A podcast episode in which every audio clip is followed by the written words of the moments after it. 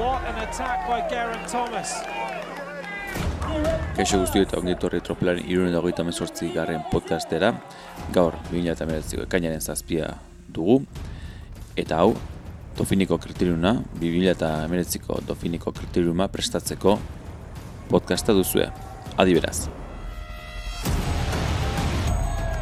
Wow, Fuglsang.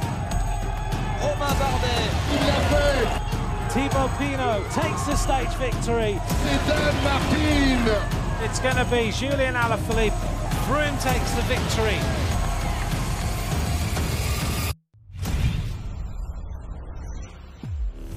Gaur ez gara solasen arituko, baizik eta bakoitza bere lekutik eta bere denboratik esango dugu. Audiotxoa prestatu dugu, bakoitza multzo bat, eta hau da, Imanol, Inasio, Ibanek eta ni neuk egoitzek eh, elkarren artean, audio ezberdinik osatutako podcasta, aipatu moduan aurtengo 2008ko Dofiniko kriteriuna prestatzeko podcasta.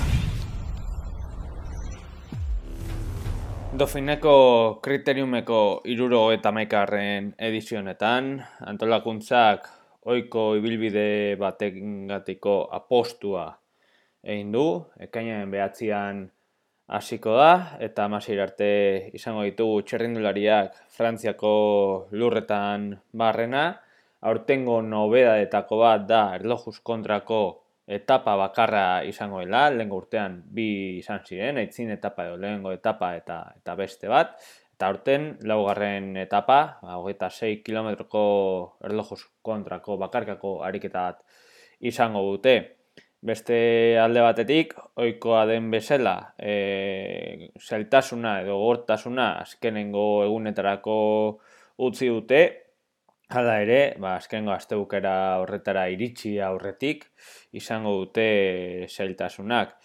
Perfilei dagokionez, lehenengo hirugarren eta bosgarren etapa ematen dute etaparik e, ba, bueno, ez gogorrenak, ez? E, sprinterrentzako izan daitezkeen egokienak, eta aldiz, bigarren, zeigarren da saspi eta sortzigarren etapak, ba, zailtasun handienak dituzten etapak. Zazpigarren etapa e, izango litzateke e, itzuli honetako etapa erragina, e, lehenengo mailako hiru mendaterekin, eta azkenengo mendate bat e, kategoria eskanpokoa eta horra maituko litzatekena etapa. Gainera, ba, sortzigarren etapa ere baita goian amaituko litzateke.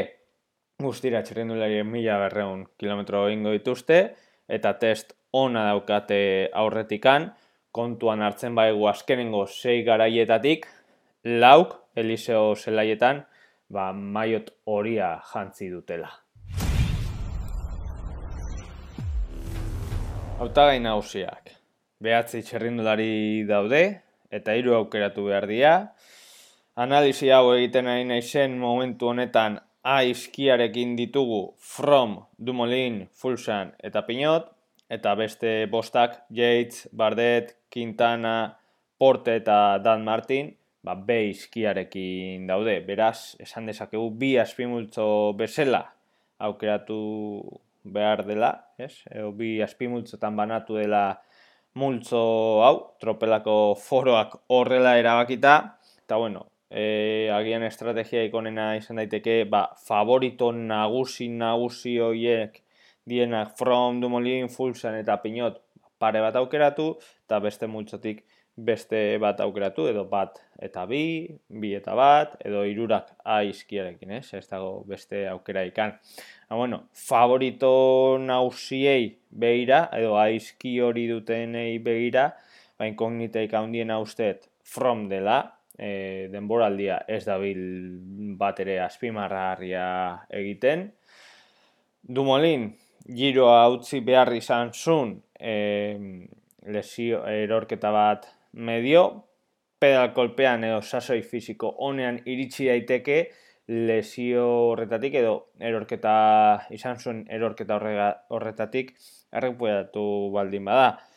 Fulsan e, aipatzekoa da, liejako garepenetik lehiatu gabe dago, hartzeko bezalako txerrindulari bat izan daiteke eta kontuan izan, adidez, itzulian e, nabarmen aritu zela, eh? Eta Pinot, frantziarra izan da, baita ere, kontuan hartzekoa, gaina pedal kolpe honean iritsikoa, adibidez, azkenengo, lehiatu den azkenengo e, lasterketan, tur de leinen, garaipena lortu lako maiatzean. Beste bostei dagokionez, ba bueno, hasiko dugu analizia Yatesekin, Adam Yatesekin, Yates tarra, ez, beti bezala, e, gogoratu itzulian oso txukun ibili zela, eta talde idealean izan genula, eh? Aztebeteko itzuli horretan, turra begiz jota baldin badu, ba, bueno, kontuan hartzeko bezalakoa. E, Quintana ere, ba, bueno, agian arriska, arriskua hartu behar baldin bada, Kolombiarraekin aukerak eta egin dezakegu, aurten iaz baino itxura hobeagoa ematen ari du zenbait momentutan, agian e, ba, aurreko lehen laurak aipatuetatik ba, puntu bat e, maia txikiago batean egon liteke eta erlojuz kontrakoa ba, bere kontran egon daiteke, ba, bueno, Movistarreko taldeko lider bakarra izango da eta kontuan hartu dezakegu.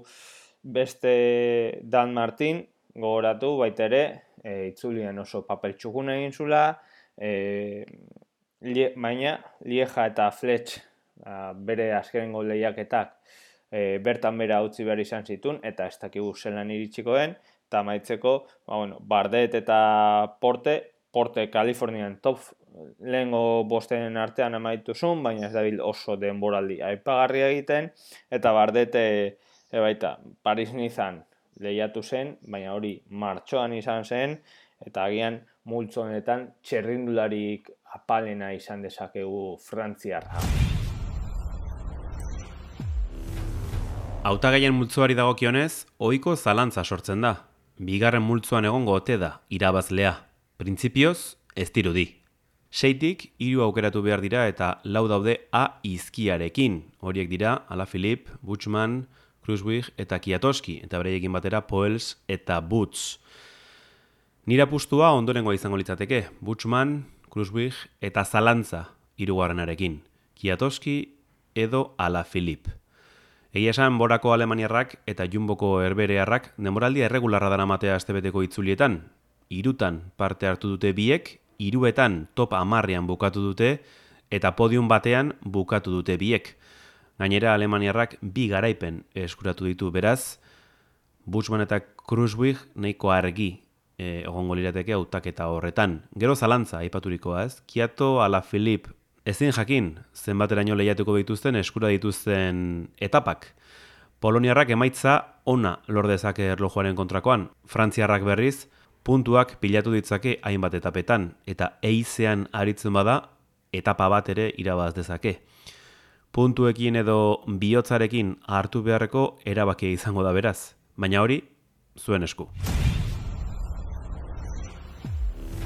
Beste auta gaietan, Fortuneoko Warren Bargil, dugu aizkiarekin, Felix Grotxarner Bora Ansgrodekoa, Jesus Herradako fidikoa, Gorka Itzagirre, talde honetan dugu Euskaldun Bakarra, Rudi Molar, Grupa uh, Franze Deiekoa, bere taldeko Sebastian Reikenbach Suitzarra, Simon Spillak, Katuxa Alpezinekoa bere traekin baitere, eta azkenik TJ Vanguarderen Education Festeko Amerikarra. E, multo hontan, badirudi argi dutu, duzutela bargil aletrarekin daukagulako, baina Frantziarra aspaldi darama bere maila eman gabe, berez nien unartuko. Grosarner bai, batez ere erlojupekoari begira eta urten darama denboraldia ikusita.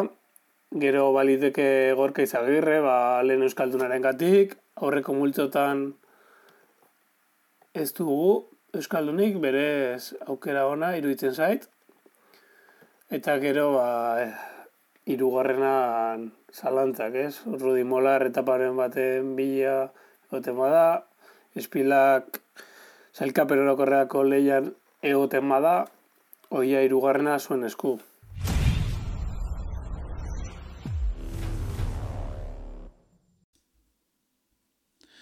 Igotzailean multzuan, bederatzi txerrinduletatik bi aukeratu behar dira, Edet, Godi, Geniez, Haik, Kus, Lambrecht, Martin, Powells eta Roland. Martin, Gilaume Martin, eh?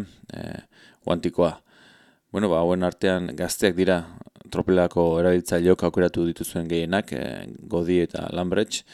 Nik kalare ipatuko nuke Lambrecht akaso bai, e, izan ere loto zudalek ez du beste liderrik edo zelularik arbirik zalkepen nagusian lehen izan daitekena, eta akaso Lambrecht izan daiteke, zurien bila joan daitekena. Eta bestaldea berriz e, godi, baina, bueno, godi ondo ibili zen, oso ondo e, romandian, baina kontua da pinotere hor izango dela, eta bueno, talde buru garbia pinot izango da, eta laguntzen aritu beharko du. Lehan izango den e, mailo zuri horren bila, makaso bai, segurua bia horiek hartza baita ere, baina asko gustatzen zain multzonetan, Girame Martin, guantiko txirundaria, goruntze egiten ari den txirundaria dela irutzen zait, iazko Dauphineen ere txukun nibili zen, egun puntutik gora lortu zituen. Eta, bueno, ba, multzunetan egun puntu asko dira, e, eta izan daiteke interesgarria, ez badita beste bi gazteak hain txukun ez baldin badabiltza. Eta kontu izan ez, guantiko guanti taldeak zeretekin nahiko duela gulturko lasterketa batean, eta bueno, konbidatu direnez, ba hori ikusi beharko du genuke Jauleme Martin onen txunekin leian, Eta besteak kaso da hau gehiago arriskatzea izango bada ere, aipatu nahiko nuke, ba, bitaleko Pierre Roland, eh? hau ere on, ongi bilio izana da, biak, biak ala biak frantziarra dira, godi ere frantziarra da, baina bueno, eh, Roland ere dagoeneko ezagutzen dugu, eh, maila altuko txerrendularia, ia ere aurre izena eta puntuak bitzen badakiena. Beraz, lau hauen artean egingo nuke aukerak eta egia da gehiengoak godi eta lamer sartu duela, baina ipatu, eh, Martin eh, seguru bat izan ditekeela, eta godi ba ez dakit ez materaineko askatasuna izango duen, eta lamerez ba, bueno, ba, ba ondo bidean, ondo beharko luke, baina ez dira besteak ere batera aukera txarrak. Azkarrak multzoa, sei txerrindulari daude eta bi aukeratu behar dira. Analizi egiten ari naizen momentuan, aizkiarekin daukagun bakarra San Benet da, borako txerrindularia. Agian e, multzonetan urteari dagokionez erregularrena, sei garaipen dituelako, eta zeizki batekin, ba Magnus Kort astanako txerrindularia urte nahiko apala ari da eramaten eta garaipen bakarra daka momentu honetan, txerrindulari horrek. Beste laurek beizkia dakate, azteko frantziarrak Boani eta Kokar, Boani, ba bueno, badiruri e, pedalkolpe onarekin iritsiko dela, azkenengo lasterketan bigarren amaituzun Kokarren atzetik, eta Kokar aipatu behar da, ba hori, garaipena lortuzun, baina egun hauetan eta ekainen behatzi arte irauten duen itzuli batean David Leian, vital konzeptekoeko handikan ez dute bere, bere behaien taldea konfirmatu, beraz e, kontuz e, kokar aukeratzeko orduan agian ez da irteran izango. Eta beste bi txerrendulariak multzonekin amaitzeko, bueno, Colbrelli, ez, ez da biela, ez da biela e, urte, urte, ba bueno, esanguratsua egiten, eta greipelekin ere antzeko zerbait aipatu esakegu, bai urtea ondo hasi zuen la tropikale amisa bongon, baina arrezkero ere e, aipatzeko eserrez, e, aipatzeko eserrez du egin, ez? Beraz, e, seguru da e, San Benet hartu behar dela, eta bigarren hori, ba bueno, agian ikusi beharko litzateke, ja riskatzeko izango litzateke da, baina boanik ba, puntu de xente ditu, ez? Bigarren aukerak eta hori, egin behar, bigarren txerindularia aukeratu behar, de, behar badegu. Eiztariek eta espezialistek aukera ugari izango dituzte Dofine liberen. Laugarren etapako erlojuaren kontrako saioarekin batera, bigarren eta seigarren etapan saria eskura dezakete. Esprintean buka daitezken hiru etapetan ere hainbatek muturra sar dezakete beraz, zortzitik bost etapa lehiatzeko moduan izango dira. Amasei, txirrendulariren artetik soilik hiru aukeratu behar dira, eta dagoeneko aukerak eta egin dutenek ez dute hiruko bat nabarmendu. Izan ere, be izkiarekin daude denak lau izan ezik. Zerrendan ditugunak ondorengoak dira, Betiol, Boason Hagen, Clark, Demarki, Gilbert, Gonsalves, Impei, Keukeleire, Kirienka, Lutsenko, Moskon, Naesen, Polit, Stivar, Teuns eta Banaert. Zerrenda oso luzea eta esan bezala aukerak eta motza, hiru bakarrik aukeratu behar direlako. Nire apustua, ba, segidakoa litzateke. Boason Hagen, Demarki Moskon eta Inpeiren artean, ez? Lau horien artetik hiru aukeratuko nituzke. Argiena, Boason Hagen, e, Norvegiarra ondo ikusi dugu sasoi honetan, batzutan utxe egin du beste batzuetan asmatu, berriki ikusi dugu Norvegiako itzulian oso indartsu ibili dela, eta esprinetan sar daiteke, erlojuaren kontrako on bat egin dezake, beraz, aukera on bat izan daiteke. Demarki, hau ere oso ikusi dugu klasikoetan, itzulietan ez da gaizki moldatzen, bere taldeak ere behar ditu puntu batzuk, eta italiarra ba, lehiatzen da, ez, eta ondo aritzen da. Moskon, e, zer esan, berataz, ez, ez genuen giroan ikusi, beraz, e, bueno, bazalantza hori ere bizten digu, zeren Kalifornian ikusi genuen, eta ez hain ondo, Orduan, ba, ez dakigu ze puntura arte Ineosek eh, baliatuko duen bere aukera, ez? Erlojaren kontrakoan ondo ibili daiteke eta beste etapa batzuetan ere aipatu bezala ba mutura sartu dezake, ez? Eta inpei mm, ba, aukera on bat izan daiteke batez ere mm, esprin horietarako edo edo espezialista ez diren eiztari horientzako izan daitezken etapa horiek, ez? Egon badaudelako ba etapa batzuk zalantza pizten dutenak, ez? Ba muinotxoak daudelako eta eta akaso ba, tropela murriztua iritsi daitekeelako helmugara. Orduan ba, aukera hori izanik eta hiru bakarrik aukeratu behar direnez, ba hortze zalantza, ez? E, zeintzuk hartu edo zein perfileko txirrindulariak aukeratu. Izan daitezkeenak esprinei begira, erlojuaren kontrakoari begira, bestelako etapei begira, egia esan izen handia asko daude, baina bueno, aukerak ere ez dituzte sobera ordun mm, bueno, hor bakoitzak erabaki barko du eta apustua badago multzo honetan, ezin jakin puntu asko emango dituen, baino badago ez. Hor bada bat, e, nabarmendu ez dudana, betiol, oso ondo ikusi genuen klasikoetan, baina gerora, ba ez dakigu ez, ze puntura arte lehiatu nahiko dituen horrelako lasterketak, naiz eta bere taldea oso fin da bilen.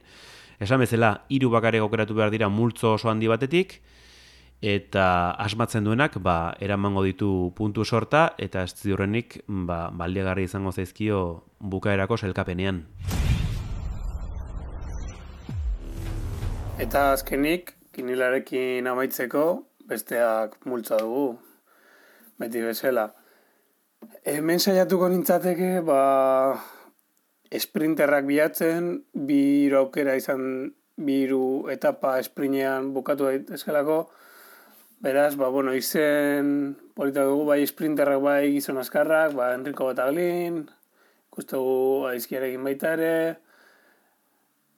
Christophe Laporte, oso ondo da bilela Luxemburgoko itzulian, Álvaro Hodge, de Kiunenkeko sprinterra, ba, baita aukera ona, eta gero, ba, Rick Zabel, juten bada, indikan e, katuxaren talde ez dakigu, baina edu arteuns baita oso azkarra delako, edo erlojupekoan ondo ibil, ibil daiteken jantratnik, gogaratu e, Roglitzeri e, prologoa irabaziziola romandian,